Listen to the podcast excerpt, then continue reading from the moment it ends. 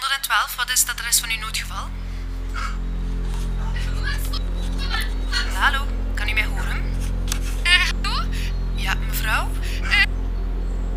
Eh, ik, ik was gaan wandelen- en... eh. Mevrouw, rustig. Wat is er gebeurd? Bent u gewond? Er staan hier ook borden van, van eh, vetering en ik, ik wist niet dat... Mijn hond liep gewoon... Mevrouw? Waar bent u? voelde. Ik, ik wist ook... Waar bent u? Mevrouw? Wat is er gebeurd? Er liggen hier... En ze... overal bloed. Mevrouw, kan u, kan u mij wat vertellen wat er aan het gebeuren is? Hoeveel zijn het er? Het is bloed. Oké. Mevrouw, ademhalen. Kijk even rond u. Hoeveel mensen kan u zien?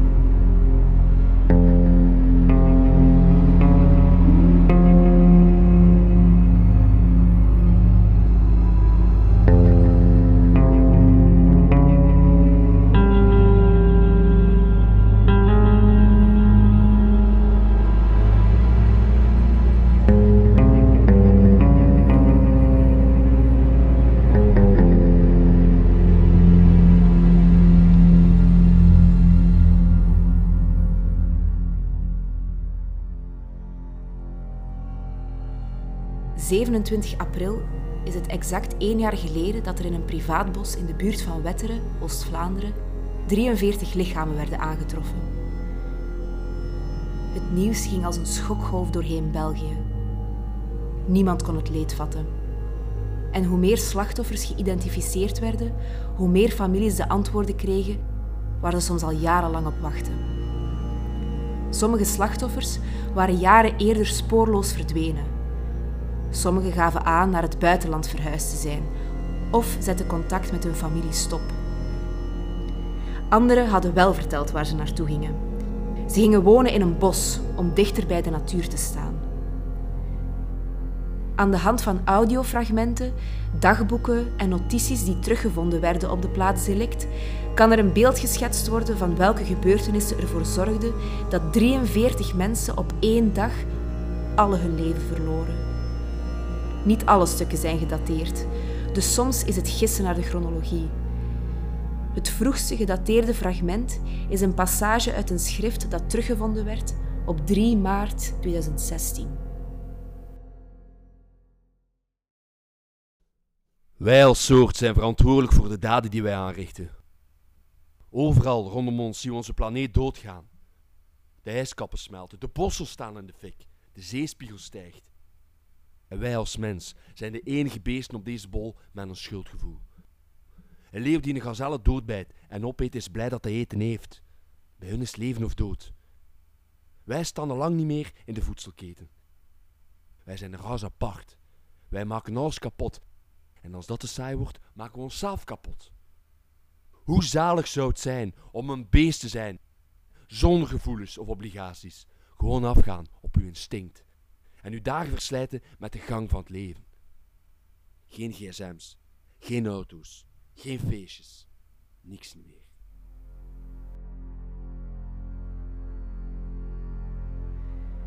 De auteur van die passage was Hubert de Grave, een man van 57.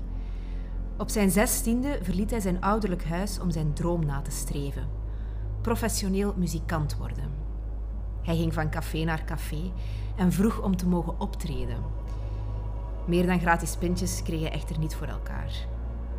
Gedemotiveerd en dakloos kwam hij in slechte papieren terecht. Hij stal eten uit winkels en pleegde inbraken. De buit verpatste hij voor drugs. Op zijn achttiende werd hij opgepakt en werd hij veroordeeld tot drie jaar voorwaardelijk. Pas toen hij vrijgelaten werd, kwam hij op het rechte pad terecht. Hij begon als technieker te werken voor verscheidene festivals. Zo ontmoette hij Lisbeth, de dochter van een festivalorganisator. Ze trouwde een jaar daarna en kreeg drie kinderen: Hannes, Victor en Jade. Het leek alsof hij eindelijk het leven kreeg waar hij al zo lang op gewacht had. Een goed betaalde job, een dak boven zijn hoofd en een familie die hem aanbad. Het dieptepunt van Hubert's leven kwam echter pas op 8 juni 2015. Het is 6 uur. Goedemorgen, dit is het nieuws. In Laarne is daarnet rond 5 uur een dodelijk ongeval gebeurd. Een bestuurder verloor de controle over zijn voertuig en raakte frontaal een tegenligger. Er zou sprake zijn van meerdere doden en gewonden. De bestuurder zou niet onder invloed geweest zijn, maar raakte afgeleid door zijn telefoon en veroorzaakte zo het ongeval. Later meer hierover. In Parijs dan, daar heeft de Franse. Victor, de jongste zoon van Hubert, begint kort na het ongeluk een dagboek bij te houden. 12 augustus 2015. Dokter Colette heeft gezegd dat ik mijn gedachten moet opschrijven. Ze denkt dat het goed voor mij gaat zijn. Ik ben niet goed in schrijven of in woorden. Ik weet niet of het mij gaat helpen. Ik denk veel aan Hannes. Ik zie hem altijd, net voor ik ga slapen. Ik wou dat ik niet naar die fuif was geweest. Of met de velo, zo, zoals altijd.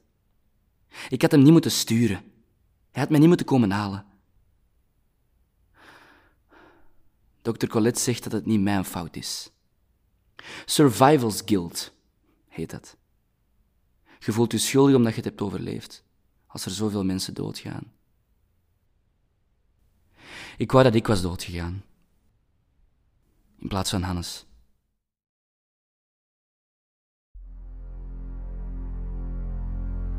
Op 4 februari 2016, ongeveer acht maanden na het ongeluk, stuurt Jade, de dochter van Hubert, een lange sms naar een vriendin.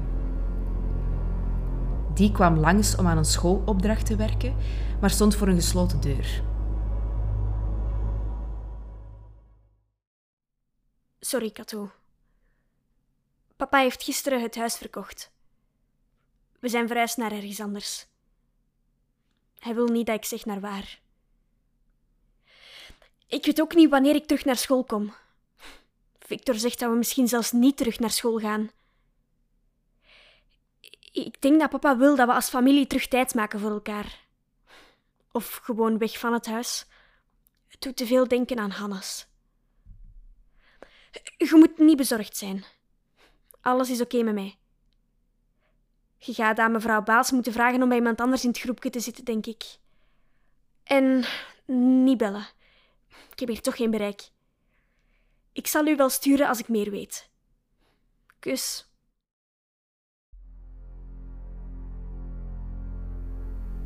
Hubert kocht een gigantisch stuk bosgrond van 16 hectare en zette er een groot hek rond.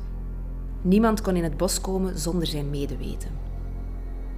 Wanneer het hek er eindelijk stond, verhuisde hij dag op dag zijn familie erin en verkocht hij het huis waar ze woonden. Het leek alsof de familie in rook was opgegaan. De eerste weken waren zoeken. Het gezin sliep in tenten en gingen uit eten, of ze kookten op gasvuurtjes. Alles voelde aan als een lange kampeerreis. Maar geleidelijk aan sloeg de sfeer om. 7 april 2016. Het is paasvakantie. Al mijn vrienden zijn op reis, gaan skiën of vuiven. Mijn gsm is afgepakt. Ik ben al een maand niet naar school geweest en papa weigert om mij met iemand te laten afspreken. Het bos is gigantisch. Het is niet gelijk dat we hem storen als we gewoon praten of zo. Als ik nog één keer met Victor Risk moet spelen, dan ga ik door mijn eigen kop schieten. En waarom doet mama niks? Ze zit de hele dagen gewoon in haar tent. Ze gaat weg en we zien haar uren niet. En papa zegt niet waar ze naartoe gaat. Ik wil gewoon mijn vrienden zien. Ik voel mij hier opgesloten. Niemand helpt mij. Zelfs Victor komt niet voor mij op bij papa. Ik dacht dat Victor mij meer zou zien staan nu Hannes er niet meer is. Maar hij doet enkel dingen met mij omdat mama hem dat vraagt. Voor de rest zit hij ook hele dagen in zijn tent. Hannes wou tenminste bij mij zijn. Ik mis hem ook. Victor mag hem precies meer missen omdat hij bij hem in de auto zat. Ja, en papa en mama mogen hem precies ook meer missen omdat het hun zoon was. Wat schiet er dan nog over voor mij?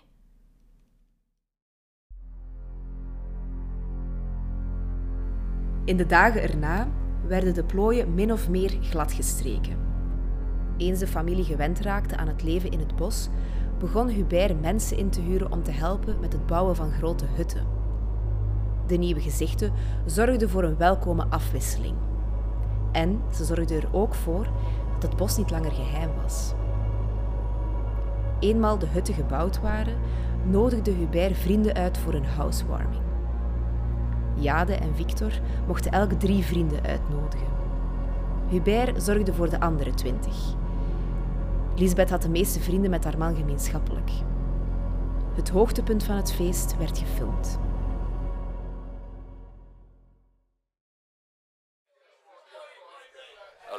Dan.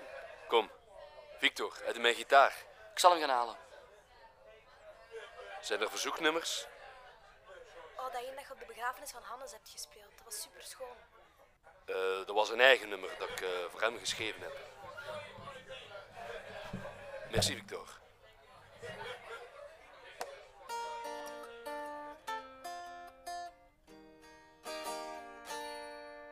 De dagen gaan te snel en de nachten zijn te kort en elke avond lig ik wakker, hopend dat het beter wordt.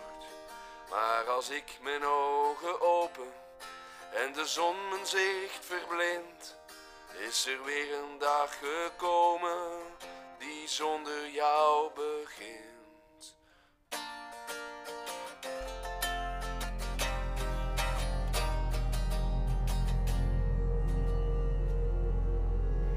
De aanwezige gasten vonden het nummer bijzonder ontroerend. Maar het werd al snel duidelijk dat de beslissing bij één iemand niet in goede aarde viel. Het is altijd een beetje stiller nu jij er niet meer bent. Maar toch prijs ik me gelukkig dat ik u heb gekend. Oh. te spelen is zijn nummer en jij durft het afdoen of een of ander feest. Jij bepaalt niet hoe of wanneer ik dat nummer speel, Heb Lisbeth. jij zo weinig respect voor hem? Hoe durfde zoon jij... gaat dood en jij gebruikt hem voor haar. Jij gaat nu zwijgen over mijn zoon of ander. Op dit punt stopt de video. Het feestje eindigde in mineur. De volgende ochtend werd het gezin opnieuw wakker met vier. Maar de spanning was te snijden.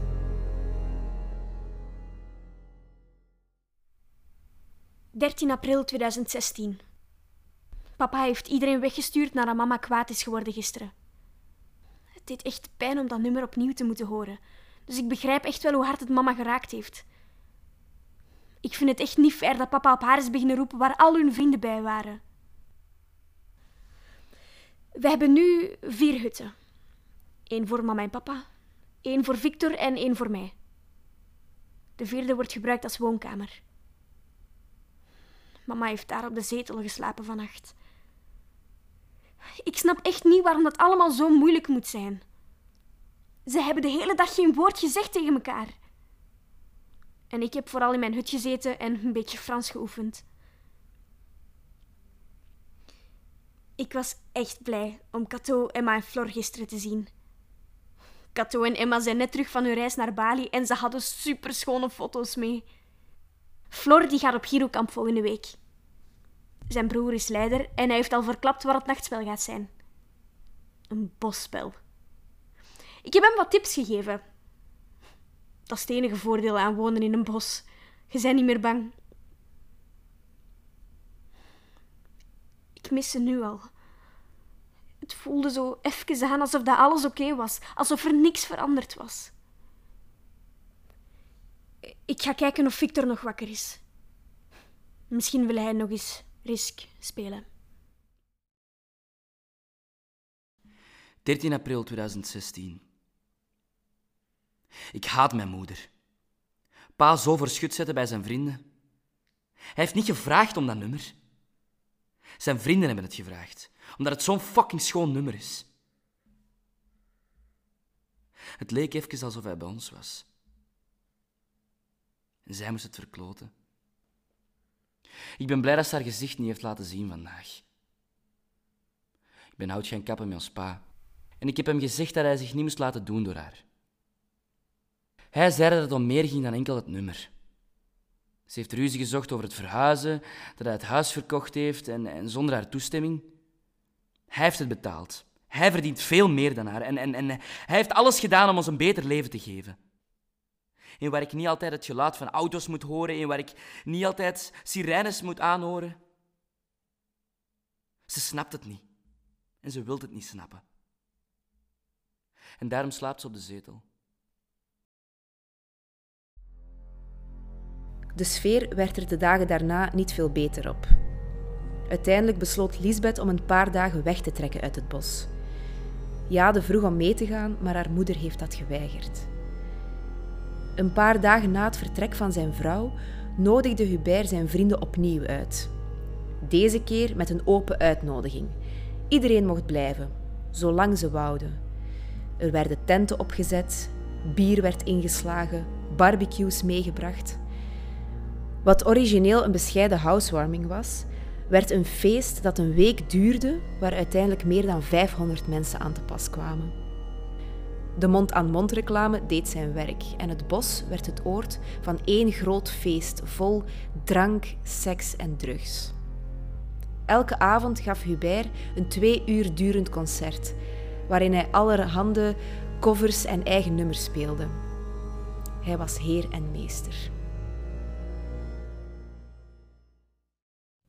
19 april 2016. Ik kan niet meer denken. Dag en nacht zitten mijn pa's en vrienden hier alles op stelte te zetten. Ik heb vanochtend een koppel uit mijn hut moeten jagen die tot in mijn bed waren geraakt. Hè?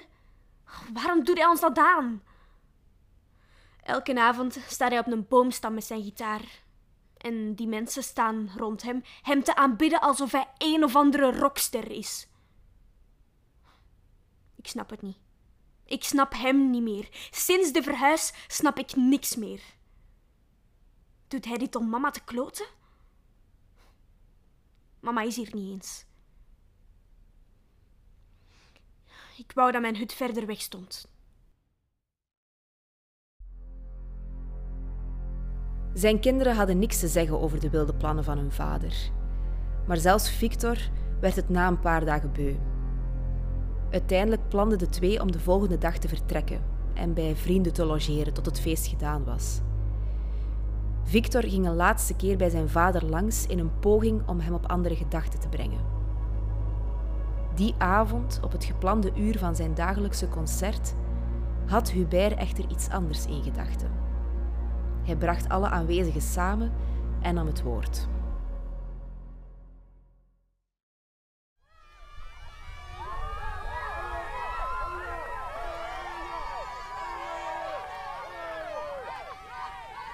Ik heb ervan genoten om jullie de laatste dagen geluk en plezier te brengen. Ik wil meer met jullie delen, maar, maar dit is niet de juiste manier. Ik ben verhuisd naar hier met mijn familie om dichter bij de natuur te staan. Om als mens meer respect te hebben voor het leven dat we krijgen. En dit is, niet, dit is nieuw dat moet. Mijn zoon is daarnet bij mij gekomen en hij wil weg. Hij wil weg uit die plek die ik voor hem zo veilig wil maken. Ik wou mijn kinderen alles geven. En het was niet genoeg. En ik weet niet wat ik als vader nog meer moet doen om het gat dat de dood van hun broer heeft achtergelaten te vullen. Ik heb veel nagedacht vandaag. Dit is een plek waar niemand bang moet zijn voor veroordeling of normen of meningen van buitenaf. Dit is een plek waar we veilig zijn. Dus als jullie veilig willen zijn, dan zijn jullie welkom. Maar niet op deze manier. Als je gewoon wil feesten en niet nadenken over de consequenties, dan gaat het maar weg. Maar als je wil weten hoe het voelt om mens te zijn, echt mens te zijn, om elkaar graag te zien, om één te zijn met elkaar en niet na te denken over de bullshit van de maatschappij, kom dan hier wonen. Permanent. Dit is een veilig oord. We hebben geen jobs nodig, we hebben geen geld nodig. Het enige dat we nodig hebben is elkaar. Zonder medemens is het leven niks waard. Volg uw hart. Wat wilt je in het leven? Lustloos feesten of iets betekenen? Een verschil maken. Volg uw hart. Volg uw hart. Veel mensen staken zijn monoloog op zijn overmatig drugsgebruik van de afgelopen dagen en dropen af.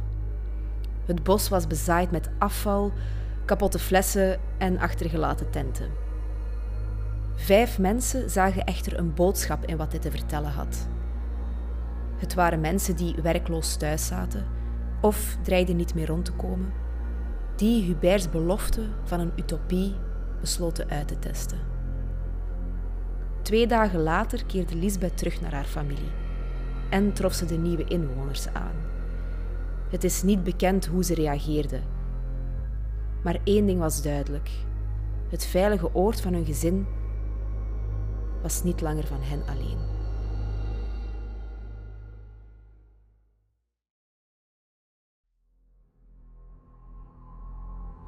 Goedenavond. De zaak van de 43 gevonden lichamen neemt een nieuwe wending. Er zijn namelijk afscheidsbrieven aangetroffen in de nabije hutten, wat zou betekenen dat het zou gaan om een grootschalige zelfmoord. De lichamen zijn inmiddels overgebracht naar het mortuarium waar een autopsie plaats zal vinden.